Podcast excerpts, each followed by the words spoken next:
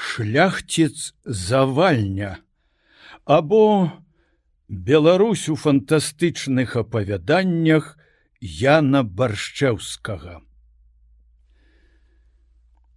Нарыс паўночная Беларусі.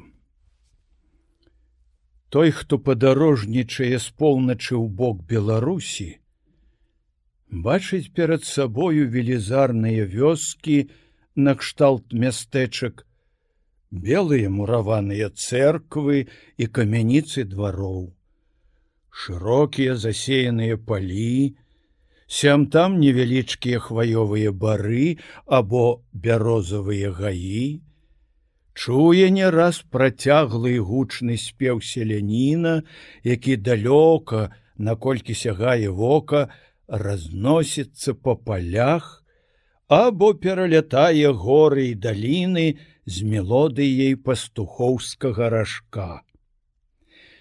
У нядзелю, калі сонца набліжаецца да захаду, сустракае ён вясковых дзяўчат у святочных паркалёвых, а часам і ў едвабных сарафанах у атачэнні юнакоў залётнікаў. Водзяць яны карагоды, спяваючы народныя песні, а старыя, седзячы на прызбах, разважаюць пра мінулыя і сённяшнія часы.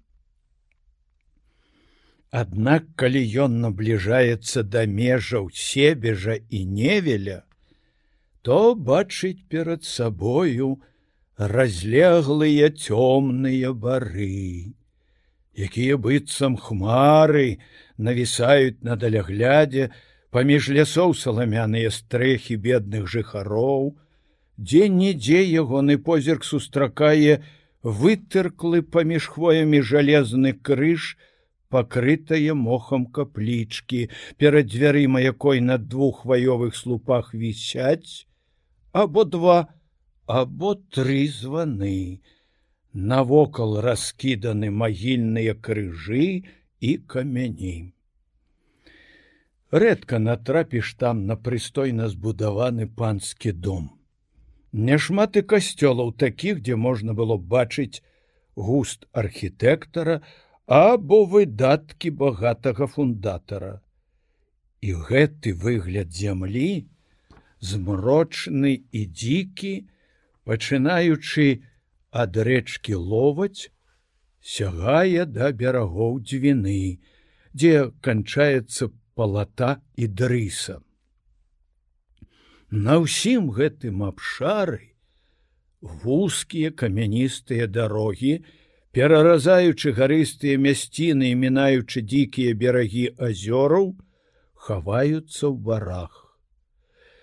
У бедных вёсках, У святочныя будзённыя дні заўсёды пануе нейкая панурая цішыня. Рэдка адгукнецца песня жняца або ратая, і па гэтым спеве можна лёгка зразумець яго заклапочаныя думкі, бо не ў рот часта ашуквае тут надзеі працавітага земляроба. У гэтых краях прайшлі дзіцячыя мае гады.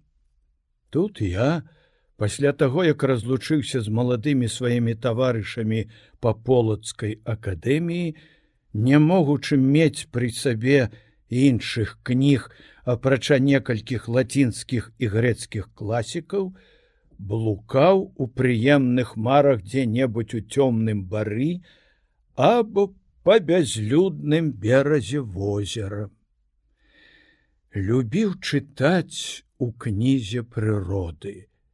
Калі вечаровай парою открываецца старонка, на якой мільёнамі зіходкіх у гары зорак напісана Божая усімагутнасць. На зямлі пакрытай безлічу расліны жывёл, я чытаў пра міласэрнасць і волю творцы.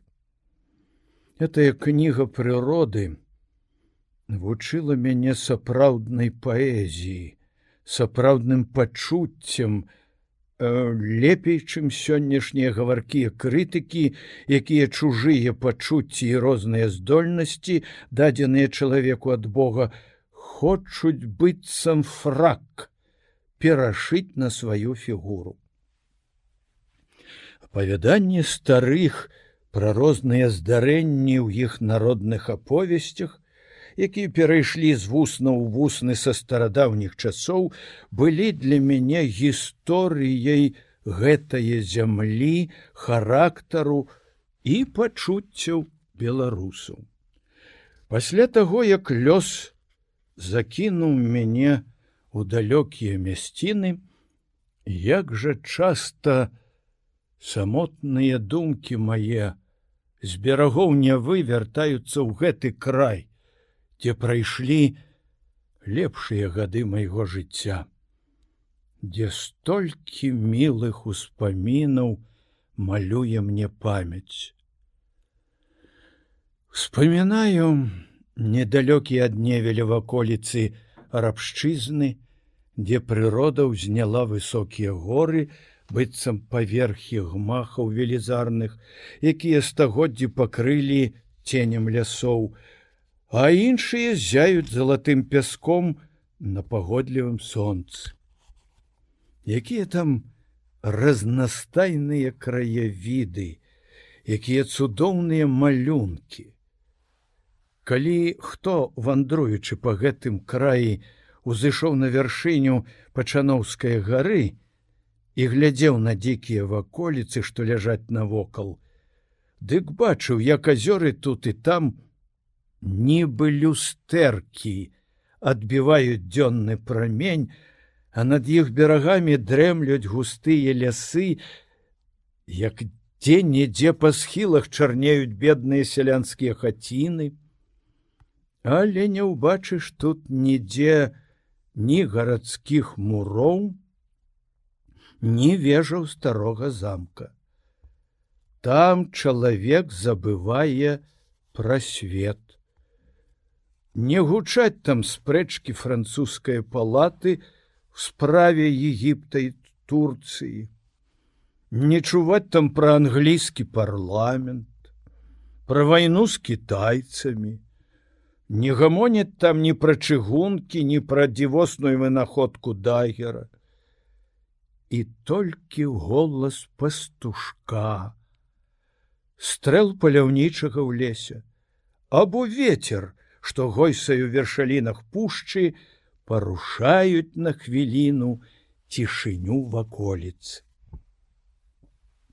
Бліжэй да полацка возера нешчарда на некалькі міль, залівае абшар, подмывае хвалямі узбярэжныя пясчаныя горы, На поўдзень шырокія паплавы, усеяныя купамі лазняку, сям там рэчкі, бегучы здалёк сярод чароту, хаваюцца ў разліве азёрнай вады.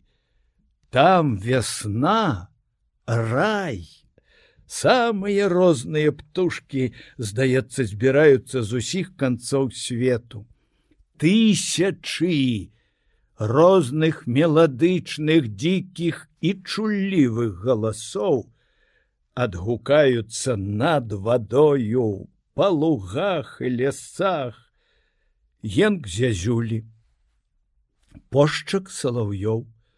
Голас бугая ў чароце. Рэзкія крыкі качак. Этая дзівосная суладнасць і гэты канцэрт прыроды пераносілі мае ўяўленне ў нейкі чарадзейны край. І цяпер гэтыя мясціны, дзе ў маленстве я бачыў столькі цудаў прыроды, гэтыя гаі, гэтыя зялёныя берагі нешчарды, малююцца ў маёй памяці нібы сад бачаны ў сне. Прыгадваю народныя апавяданні пра гісторыю гэтага краю, пра горы, дрэвы, нешчарду, якія ходзяць сярод люду.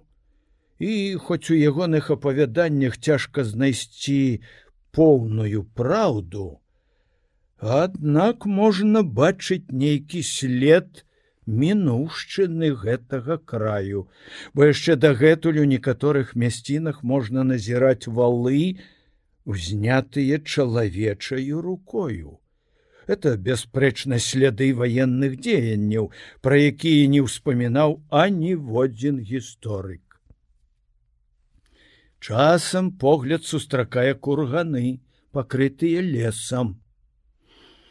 Можа, у ценю шумлівых хвояў спачывае там які-небудзь ваяўнік, імя якога даўно забытае. Я не раз чуў аповеды простага люду пра даўнія войны, але да іх столькі дамешана казак і цудаў, што ледзьве застаўся слабы след мінушчыны без імёнаў дзейных асоб распавяду одно народнае паданне гэтае ваколіцы. На паўднёвым баку возера Нешчарда ёсць гора, да якое з трох бакоў падступае вода. На той гары маленькі драўляны касцёлак і некалькі хвояў. Там часта знаходзяць у пяску сцёртыя стагоддзямі срэбныя манеты шкляныя прадметы, якія выкарыстоўваліся як упрыгожанні, і ржавыя рэшткі разнастайныя старасветская зброі. Кажуць, на той паўвыспе быў некалі горад. Аднак чый горад, хто ў ім уладарыў, невядома. Тамтэйшы люд, які жыве ў аддаленых лясістых ваколіцах, доўга не ведаў нападаў розных плямёнаў, што блукалі ў тым краі дзеля рабунку. Праз пэўны час страшны волат, якога звалі княжа, прываблены да берагоў нешчарды надзеяй на багаты рабунак, аблажыў з велізарнай хеўраю разбойнікаў гэты горад, адужаў слабую абарону, абрабаваў дамы, пазабіваў жыхароў касцёлах паабдзіраў абразы і забраў ахвяравальны посуд. Нават касцёл зруйнаваў а званы утапіў у возеры. І з натоўпам сяброў атабарыўся в спустошаным горадзе аднак бог дзівосным чынам абвясціў сваю кару блюзнерцам. Званы затопленыя на дне возера, штодзень на захадзе і ўсходзе сонца абуджалі глухое маўчанне на дзікіх берагах нешчарды так, што птушки, напалоханыя енкам гэтага звону, уцяклі паветранымі шляхамі, а сарныя ласі, дрыжучы ад страху, пахаваліся ў далёкіх барах. А поўначы лятала чума, падобная да чорнага шара, ідзе яна дакранулася да сцяны. З гэтага дому ўжо ніхто не выходзіў жывы, і такім чынам вымерла ўся дружына княжа. Сам ён перапалоханы, пакінуўшы ўсе багацці, закапаныя ў гары, уцёк з некалькімі сябрукамі, але недалёка за возерам яго напаткала смерць. Народ і зараз паказвае аграмадны курган, які называецца магілай княжа. Шмат і іншых паданняў кружыць у тым краі сярод простага люду. У многіх з іх згадваюцца гістарычныя выпадкі. Іншыя ж болей плён фантазіі ды меланхалічнага духу, што вызначае жыхара гэтых дзікіх і лясістых ваколіц. Ад прыроды ён здольны да жвавае думкі, уяўленне яго стварае дзіўныя малюнкі асобныя з тамтэйшых народных паданняў я перадаў у баладах, змешчаных у трох томіках альманаха незабудка, а менавіта дзявочая крыніца, якая знаходзіцца на поўнач ад горада полацка, схаваная ў ценю ад вечных лясоў. Дзве бярозы, якія цяпер яшчэ люд паказвае непадалёку ад берагоў возера шэвіна. Курганы, русалка, узятыя з песні чараўніцы, якая сумуючы па сваім каханым спявае: Гусанькі, лябёданькі, скіньце мне по пёрачку, я з вами полечу. Бываюць тут часамі ў нядзелю кірмашы. Люд збіраецца з навакольных вёсак у касцёл. Там на могілках можна бачыць сцэны, якія наводзяць на душу смутак. Вось удава з малымі дзецьмі ля драўлянага крыжа, які стаіць над магілаю яе мужа. А там, Сірата над магілаю бацькоў выказваюць сваю журбу голасам, які раздзірае сэрца. Калі хто наблізіцца да іх і падслухае іхнія словы, яны зайздросцяць мёртвым. І гэтыя слёзныя скаргі, здаецца, працялі б і каменныя грудзі. Пасля набажэнства ўсе збіраюцца ў адным месцы, дзе-небудзь паблізу карчмы. Тут з'яўляецца некалькі жыткоў са стужкамі, іголкамі і рознымі блішчастымі аздобамі для строяў. Падае голас адмысловая беларуская дуда. Распачынаецца музыка под адкрытым небом малады хлопец і сівы дзед э, падхмеленыя гарэлкаю скачуць да поту іх радасць часта пераходзіць межы прыстойнасці а журботныя плачкі якія нядаўна заліваліся слязьмі над магілаю мужа і бацькі скачуць под мелодыю дуды слава тобе хрысте цару что мой муж на цментару і бяды пазбылася і гарэлкі напілася. Або таксама, калі ж тая серада прайшла, як не еўшы на прыгон пашла, Весь дзень жала не лянілася, злому войту пакланілася, А цяпер жа ні о чом тужыць і войт п'яный у карчме ляжыць. У большасці песень гэтага народа, як у словах, так і ў мелодыі, ёсць нешта меланхалічнае. І нават э, вясельныя песні, дзе маладым зычаць шчаслівага супольнага жыцця, маюць у сабе нейкае пачуццё смутку, як быццам яны не давяраюць будучаму лёсу на гэтай юдолі плачу але вясельныя абрады адметныя рыцарскім запалам. Малады першым стаць ля парога бацькоў нарачоная, прывучае свайго коня не баяцца агню і кідацца ў полымя, а пасля такое падрыхтоўкі, сабраўшыся ехаць да свае нарачонае, Ён і яго дружына надзяваюць чырвоныя шапкі, звешваюць на грудзі чырвоныя хусткі, ды ім чацца праз горы дадому, дзе іх чакаюць нявеста і госці. Перад варотамі яны спыняюцца, Салома шугае полымем.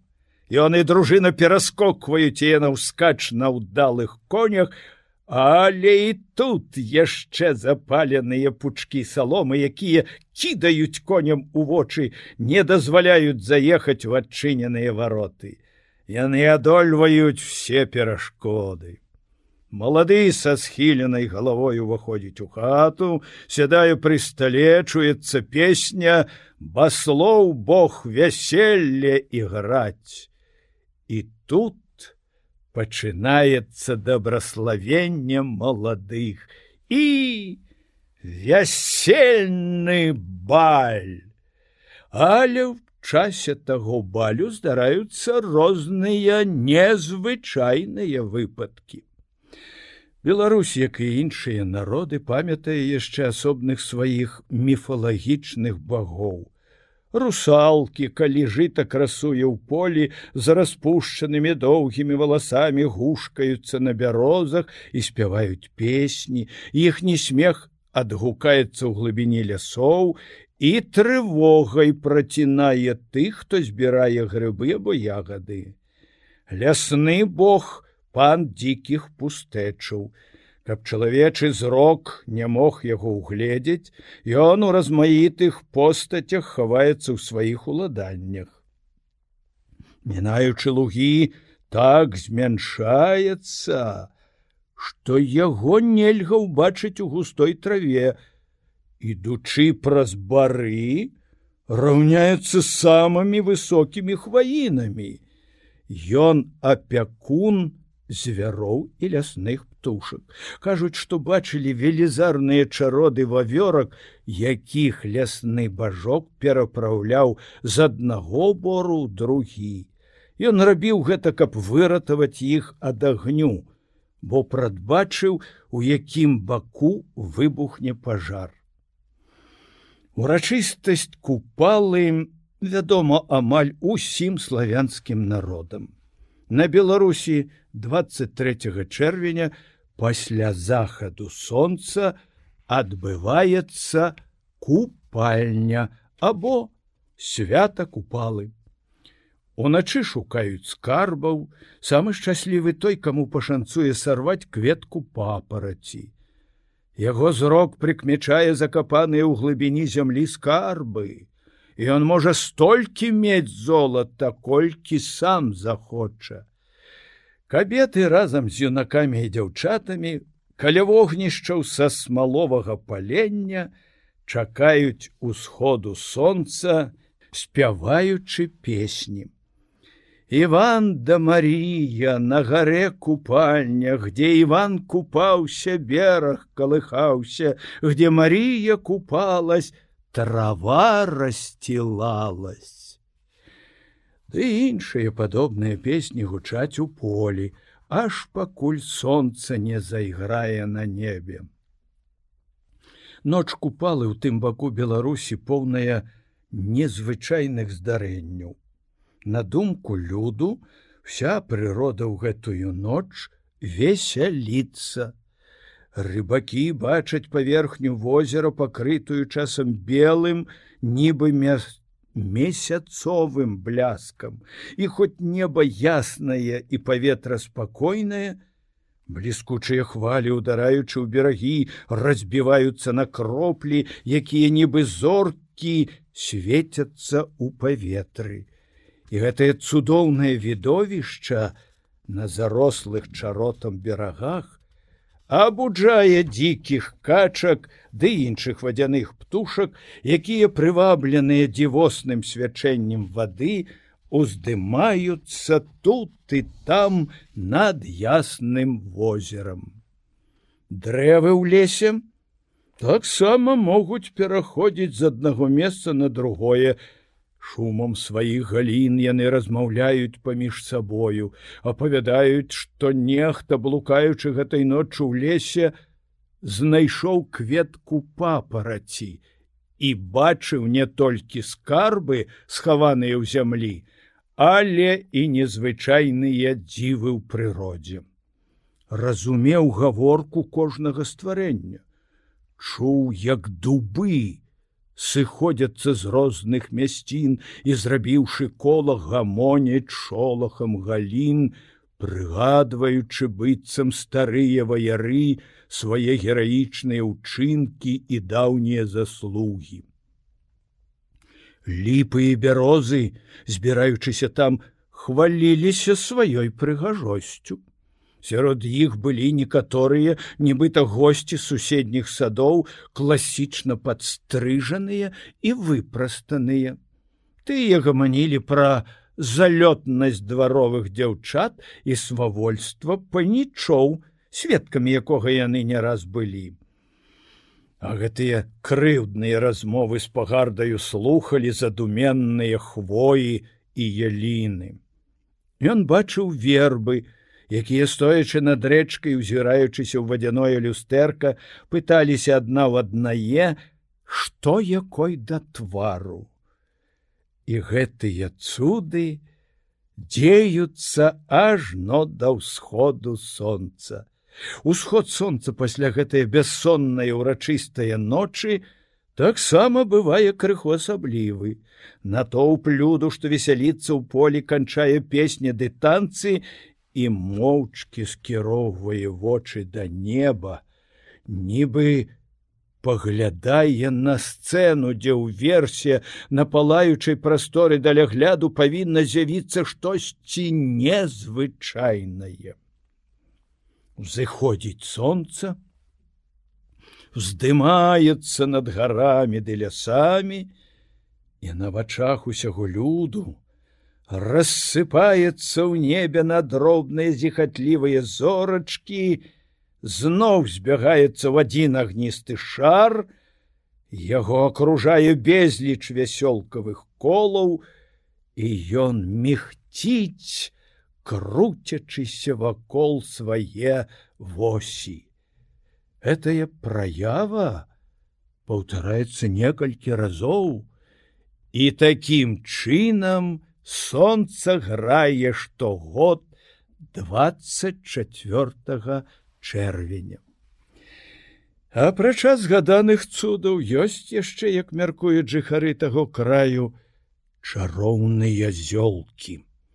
Разрыў трава, можа дзівосна ўздзейнічаць на жалеза, разрывае нібыта замкі крушыць кайданы вязняў калі каса натыкнецца на яе на лузе ў часе на косу дык расколецца на некалькі частак пералёт трава або лятучая зёлка расказваюць пра яе што яна мае здольнасць пераносіцца з месца на месца яе вясёлкавых колераў кветка надзвычай жывая і прыгожая, а ў сваім палёце ноччу блішчыць быццам зорачка.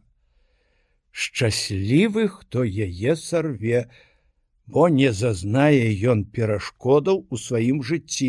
Усе яго жаданні неадкладна здзейсняцца, і гэтая зёлка, зёлка шчасця. Людзі, марачы пра шчасце на гэтай зямлі, малююць яго ў розных вобразах. Грэкі і рымляне верылі ў сляпую фартуну, што круцячы вечнае кола здымае людзей пад аблокі і зноў апускае ў бяздонне. Беларускі народ уявіў сабе нейкая лятучая зёлка, гонячыся за якім не адзін збіўся з дарогі і не вярнуўся да свае родныя хаты.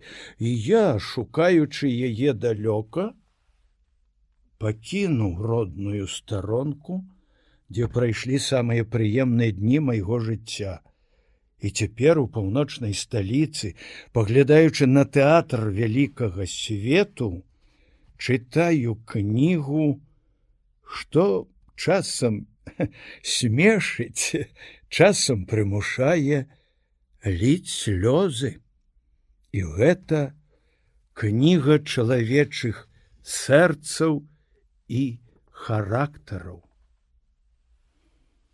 Край мой, дзе горы паўсталі ўзнёсла, край сініх вод чаратамі зарослых, пушчаў, дзе ў голлі хаваецца сонца. Колькі прыгадак ты будзеш штодзённа, промнях вясновых, у барвах зялёных ты мне з'яўляешся каскай бясконцай. Згадваю сумную песню ратая, ці пастуха, што по-простаму грае, часам калі у лясах ля азёраў скобзаю рэха гамоніць паўторам, ці калі люд пасля дзённай працы гучна спяшае ля хаты сабрацца, чуючы мяккі палон прахалоды, слухаць ад старца сівога, прыгоды прашчураў слынных, асілкаў, герояў. Слава і дзіва паданне старое, што аж ад продкаў па бацькавым краі з вёскі да вёскі вандруе, блукае.